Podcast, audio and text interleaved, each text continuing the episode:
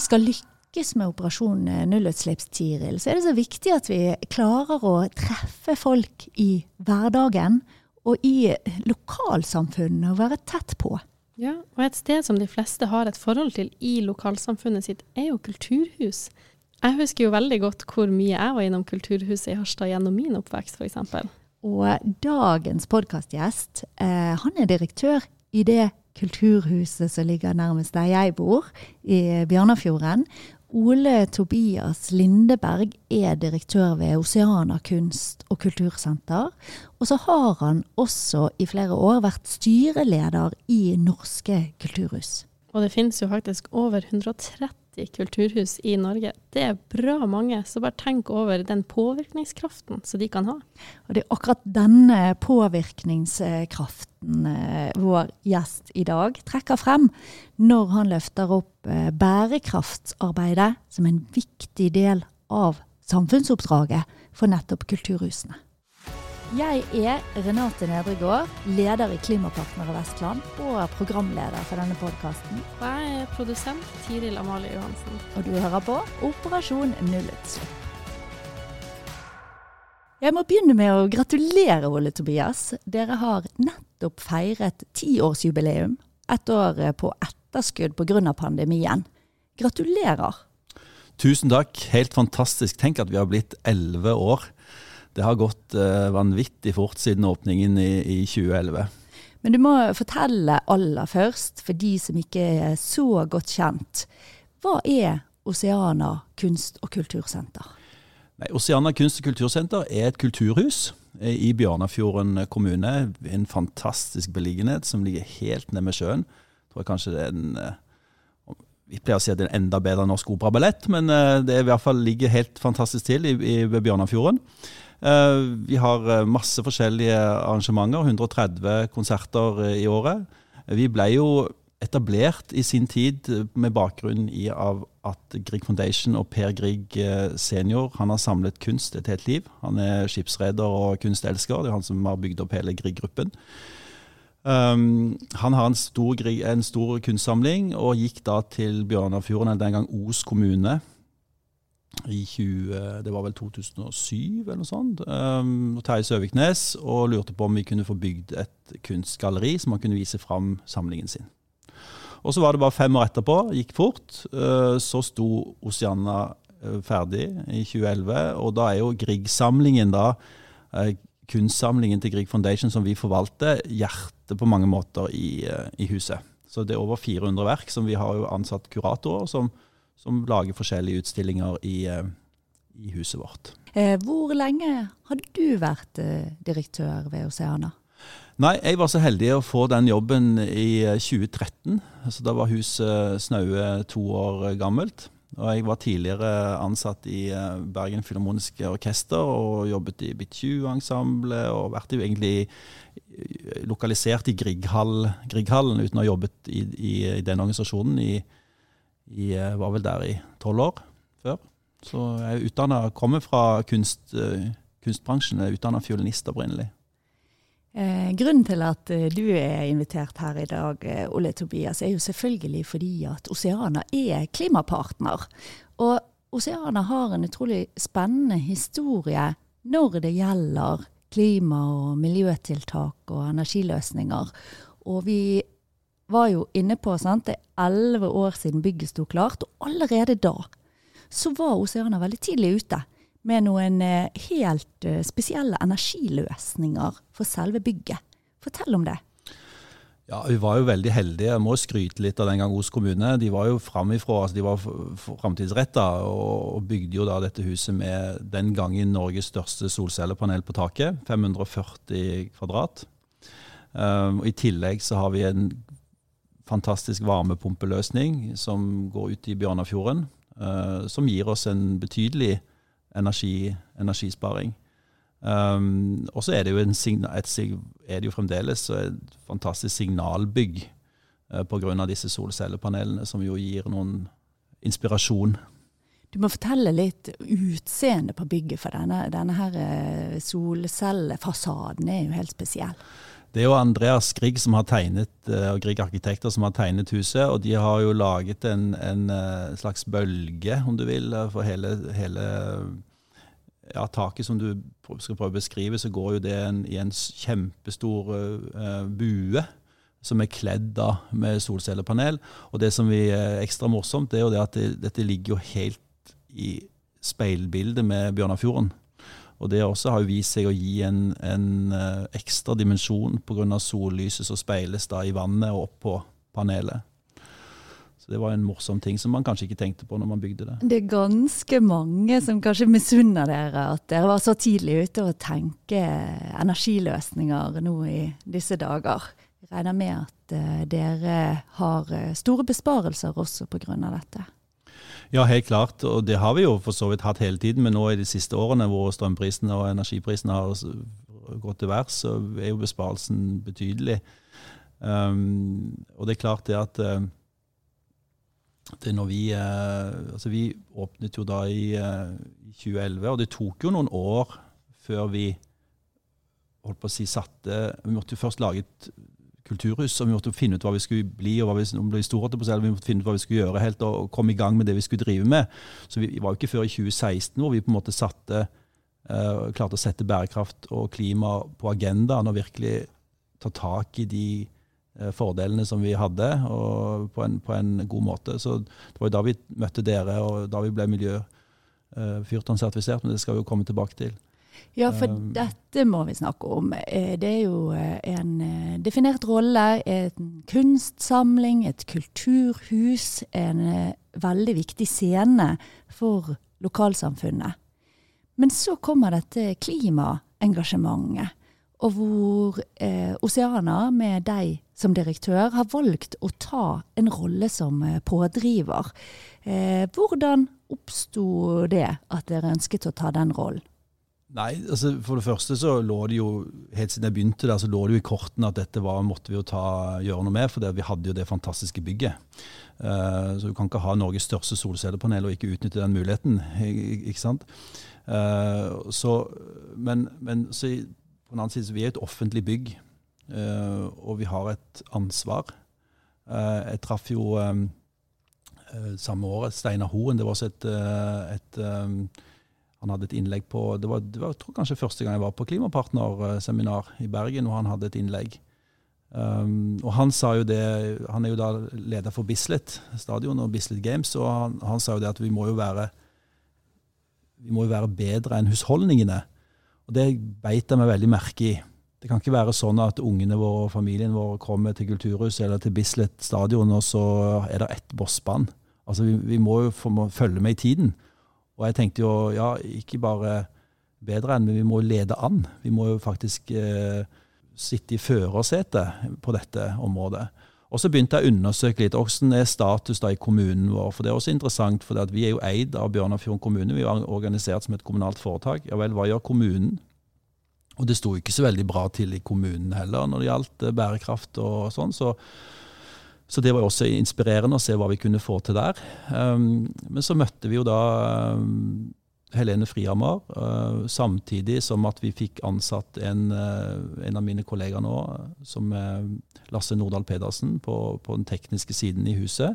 Samtidig som vi bestemte oss for at vi skulle bli miljøfyrtårnsertifisert. Så det var mange ting da som skjedde samtidig, og som hang sammen, og som var på en måte pådriver for de tankene som jeg egentlig hadde sittet med helt siden jeg begynte, uten å helt få realisert det, fordi det var så utrolig mye annet som måtte på plass først.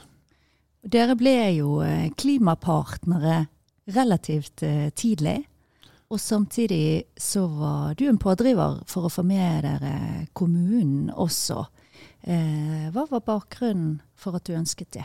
Nei, men det er helt tydelig, det helt, dette måtte, Kommunen måtte være med. for det, var, det, er klart at Når vi eies av kommunen og, og vi skal være med i, i Klimapartnere, så må også kommunen være med. Det kan ikke være sånn at det er bare en del av altså Vi må ha med oss vi, Dere snakker alltid om toppledelsen. ikke sant? Toppledelsen må med for at dette skal funke. Uh, min toppledelse i hermetegn er jo, uh, er jo uh, kommunen.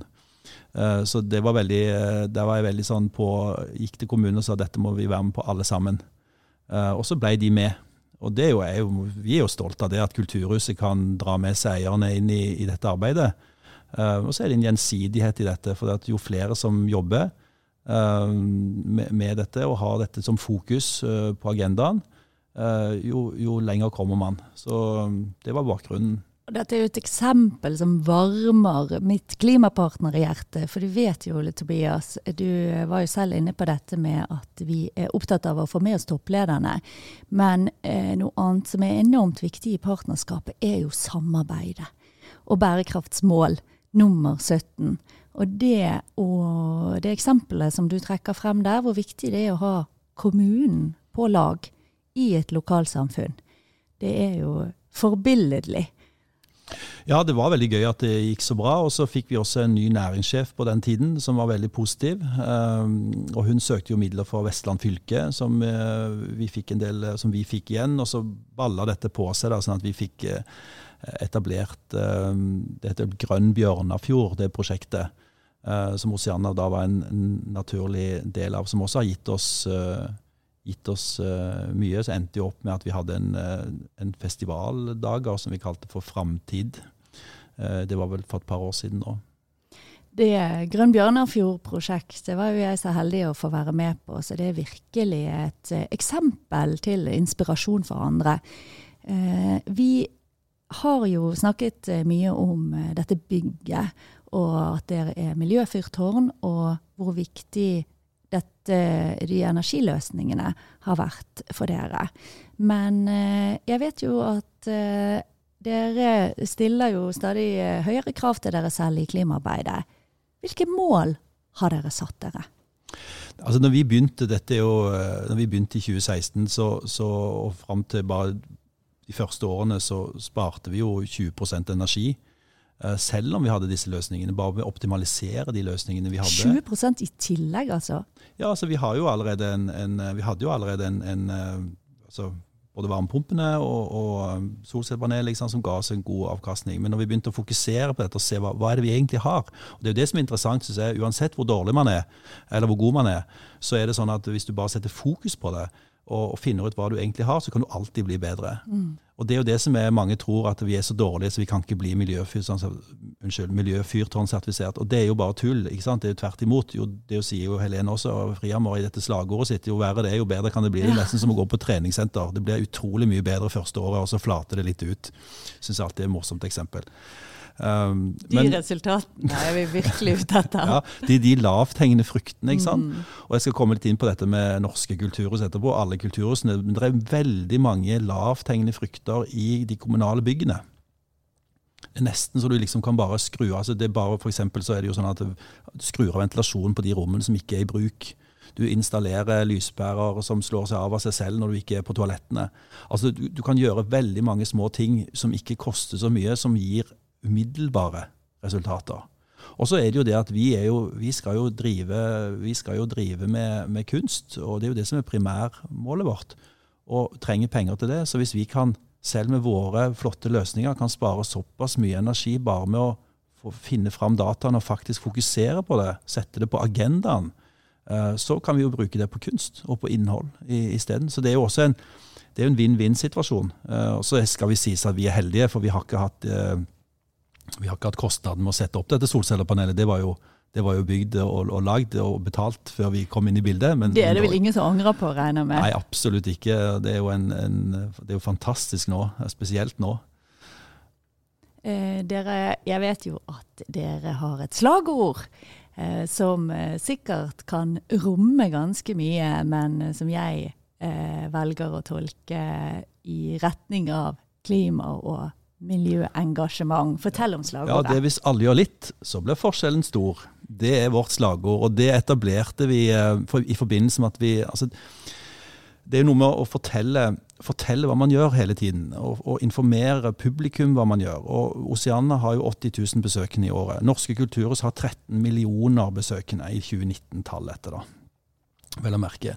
Men så gjør alle Oceana, når vi, vi, lager noe, når vi gjør noe, uh, tiltak, så er det viktig å fortelle om dette. Dere har 80 000 publikummere hvert år, uh, og det er ganske mange. Har dere noen klimatiltak som er eh, spesifikt retta mot publikum? Ja, absolutt. Og det er jo uh, gøy at du spør. for det er jo tidlig Vi har snakket litt om kommunene, hvordan vi kan påvirke kommunene, men vi vil også påvirke publikummet vårt uh, i, i, stor grad. Um, og der har vi jo, uh, så For å begynne med det enkleste, er jo kildesortering. Altså, vi gikk jo ja. fra et, et bossbarn til tre. Um, og det er jo en, en naturlig ting å, å, gjøre når man blir miljøfyrtårnsertifisert. I tillegg så har vi jo gått har vi jo gått fra, fra engangsplast til hardplast og glass.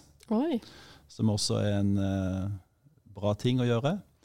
Uh, og så har vi jo også, uh, i forbindelse med Grønn Bjørnafjord-prosjektet, som vi snakket litt om tidligere, så lagde vi jo framtidsfestival. og Det handler jo nettopp om det å sette dette på agendaen også overfor publikum, og vise at vi tar et eierskap til, til bærekraft.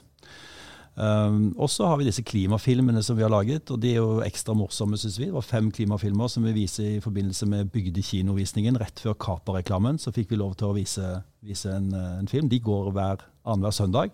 I okay. to, av, to, av, gangen. Litt humor med de ansatte som er med, bl.a. meg sjøl. Um, og det handler jo om det, som, eh, begrepet som kalles for dulting. og pushe publikum i en retning, eh, som f.eks. at de skal kildesortere når de går ut. Så har vi en video med at en, en far kaster flaske i papiravfallet, og så blir han en klovn. uh, ikke sant? Sånn at det skal du iallfall ikke gjøre. Uh, og at vi får informere om at vi, vi er et hus som, som, uh, som satser på bærekraft og, og har, har, dette på agendaen, sånn at man skal kjenne litt på det. Og vi, I tillegg så har vi jo mange, veldig mye frivillige på Oceana, og de er jo også opptatt av dette, at de har guider folk til å man snakker om det, og man har det på, man har det på en måte oppi hjernebarken. Ja. Um, så, har dere fått noen reaksjoner fra publikum? Nei, ikke utover at det, at det er positivt. Ja. Uh, jeg tror forvent, altså, Publikum forventer dette, næringslivet forventer dette, de som leier seg inn hos oss forventer dette. Det er heller at Hvis man ikke gjør dette, så, så kommer man på en måte helt i bakleksa. Jeg hadde en prat med Ola Munch her om dagen eh, fra, som leder Grieghallen. og de har, nå, eh, de har jo nettopp nå installert et stort solcellepanel på størrelse med vårt, kanskje litt større, ja. på Grieg-taket. taket av Grieghallen. Og han sier jo det at eh, hvis ikke dette på en måte hadde gått gjennom i, i styret, så kunne han nesten tatt det på, på på markedsføringsbudsjettet. Fordi at det handler, det handler, nettopp om det at når du markedsfører, det, det forventes. Og hvis man ikke er med, sitter foran i bussen og er på en måte med og styrer, og bare liksom går bak, så, så uh, mister man kunder. Du sier at det forventes, men dere har likevel vært ganske tidlig ute på å ta stilling og ta den rollen med at uh, Kulturhuset, i tillegg til å da tilby kunst og kultur til lokalsamfunnet, så ønsker dere å være en pådriver i klimaarbeidet og prøver å med publikum. Og da vet jeg jo, eh, Ole Tobias, at eh, du eh, nøyer deg ikke med å ta den rollen i, lokalt i Bjørnafjorden kommune. For i tillegg til å være direktør for Oceana, så har du i ganske mange år vært styreleder for Norske kulturhus. Hvordan har du tatt med ditt engasjement for klimaarbeidet i den rollen? Altså, begynner med det Norske kulturhus er jo da interesseorganisasjonen for alle kulturhusene i Norge. Eh, med 130 medlemmer og 130 kulturhus.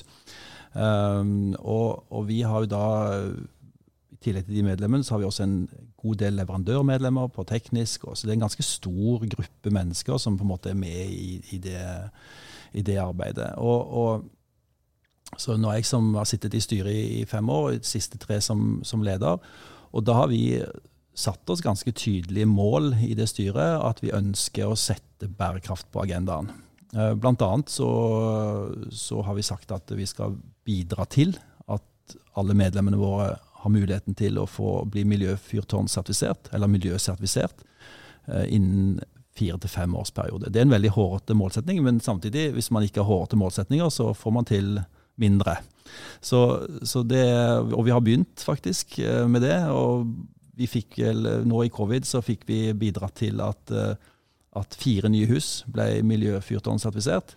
Um, I samarbeid med Miljøfyrtårn. Vi gjorde dette digitalt. Um, og da skal det sies at det er mange hus i, i, i medlemsmassen som allerede er miljøfyrtårn-sertifisert, så det er ikke sånn at ingen har gjort noen ting, for all del. Um, men det som vi gjorde fra Oceana sin side, som, som, den gangen vi ble sertifisert, som var litt gøy, det var at jeg nevnte Lasse Nordahl Pedersen, som ble ansatt i 2016. Istedenfor at vi brukte konsulent, så ble han konsulent for miljøfyrtårn. Så han var på kurs og, og fikk den sertifiseringen. Og han var jo da en intern pådriver hos oss eh, blant de ansatte for å få dette til, i tillegg til meg, som jeg tror er essensielt. Jeg må jo gripe fatt i dette, for når du forteller om eh, miljøfyrtårn, så vet jeg jo at det dere har gjort, har hatt veldig stor betydning internt også. Eh, og vi Klimapartner elsker jo miljøsertifiseringer. og Vi ser hvor fantastisk, hvilken effekt det kan ha med miljøfyrtårn. Eh, og dette, hvordan syns du at det har fungert internt ved å faktisk eh, få en av deres egne ansatte til å være, eh, bli sertifis sertifisør? Jeg tror det var en av de lureste tingene vi kunne gjort, eh, egentlig. For det, det, hvis jeg som øverste leder står og pedikerer dette uten å ha med meg organisasjonen, så vil det ikke funke eh, like godt, i hvert fall. Men før jeg svarer på det spørsmålet, så vil jeg bare fullføre det med, i forhold til Lasse og Norske kulturhus. For det som var så gøy, det var det at vi tilbød da, eh, sammen med i covid nå, i, i pandemien, så, så, klarte vi å finne en god løsning sammen med Klimapartner. Og så tilbød vi medlemmene i Norske kulturhus at Lasse kunne være med og sertifisere de andre kulturhusene. Så Lasse var faktisk konsulent, han, for eh, fire andre hus som nå er sertifisert. Og det syns jeg er veldig kult å, å, å, nevne. Men tilbake til dette med det indre medisinske. og, Det er jo klart at når man går inn i en, et, eh, den type arbeid, så er det alltid noen i, i gjengen som ikke syns dette er noe viktig. Uh, vi har snakket om grønnvasking, hvorfor skal vi det, ikke sant, og osv. Uh, eh, men der har vi jo der har det at Lasse ble uh, vår miljøfyrtårnkonsulent, vært uh, bidratt, bidratt. Men så har vi i tillegg dette Grønn Bjørnafjord-prosjektet som jeg nevnte tidligere. Vi, da hadde vi jo en del workshops med alle ansatte uh, som, res, som, som uh, resulterte i, i denne Framtid bærekraftsfestivalen vår. I tillegg så lagde vi noen insinamenter i, i, sin tid, bl.a. at vi, hvis vi tok utgangspunkt i 2016-tall, og så skulle en prosentandel av det vi sparte på energi, gå tilbake til de ansatte i form av tiltak, en tur, eller at de kunne velge Vi lagde et trimrom et år. Ja. Så det er sånne ting som at man kjenner fysisk på kroppen at ok, hvis jeg eh, overdriver litt, da, hvis du skrur av lyset, så sparer du litt, og så får man noe i andre enden. ikke sant?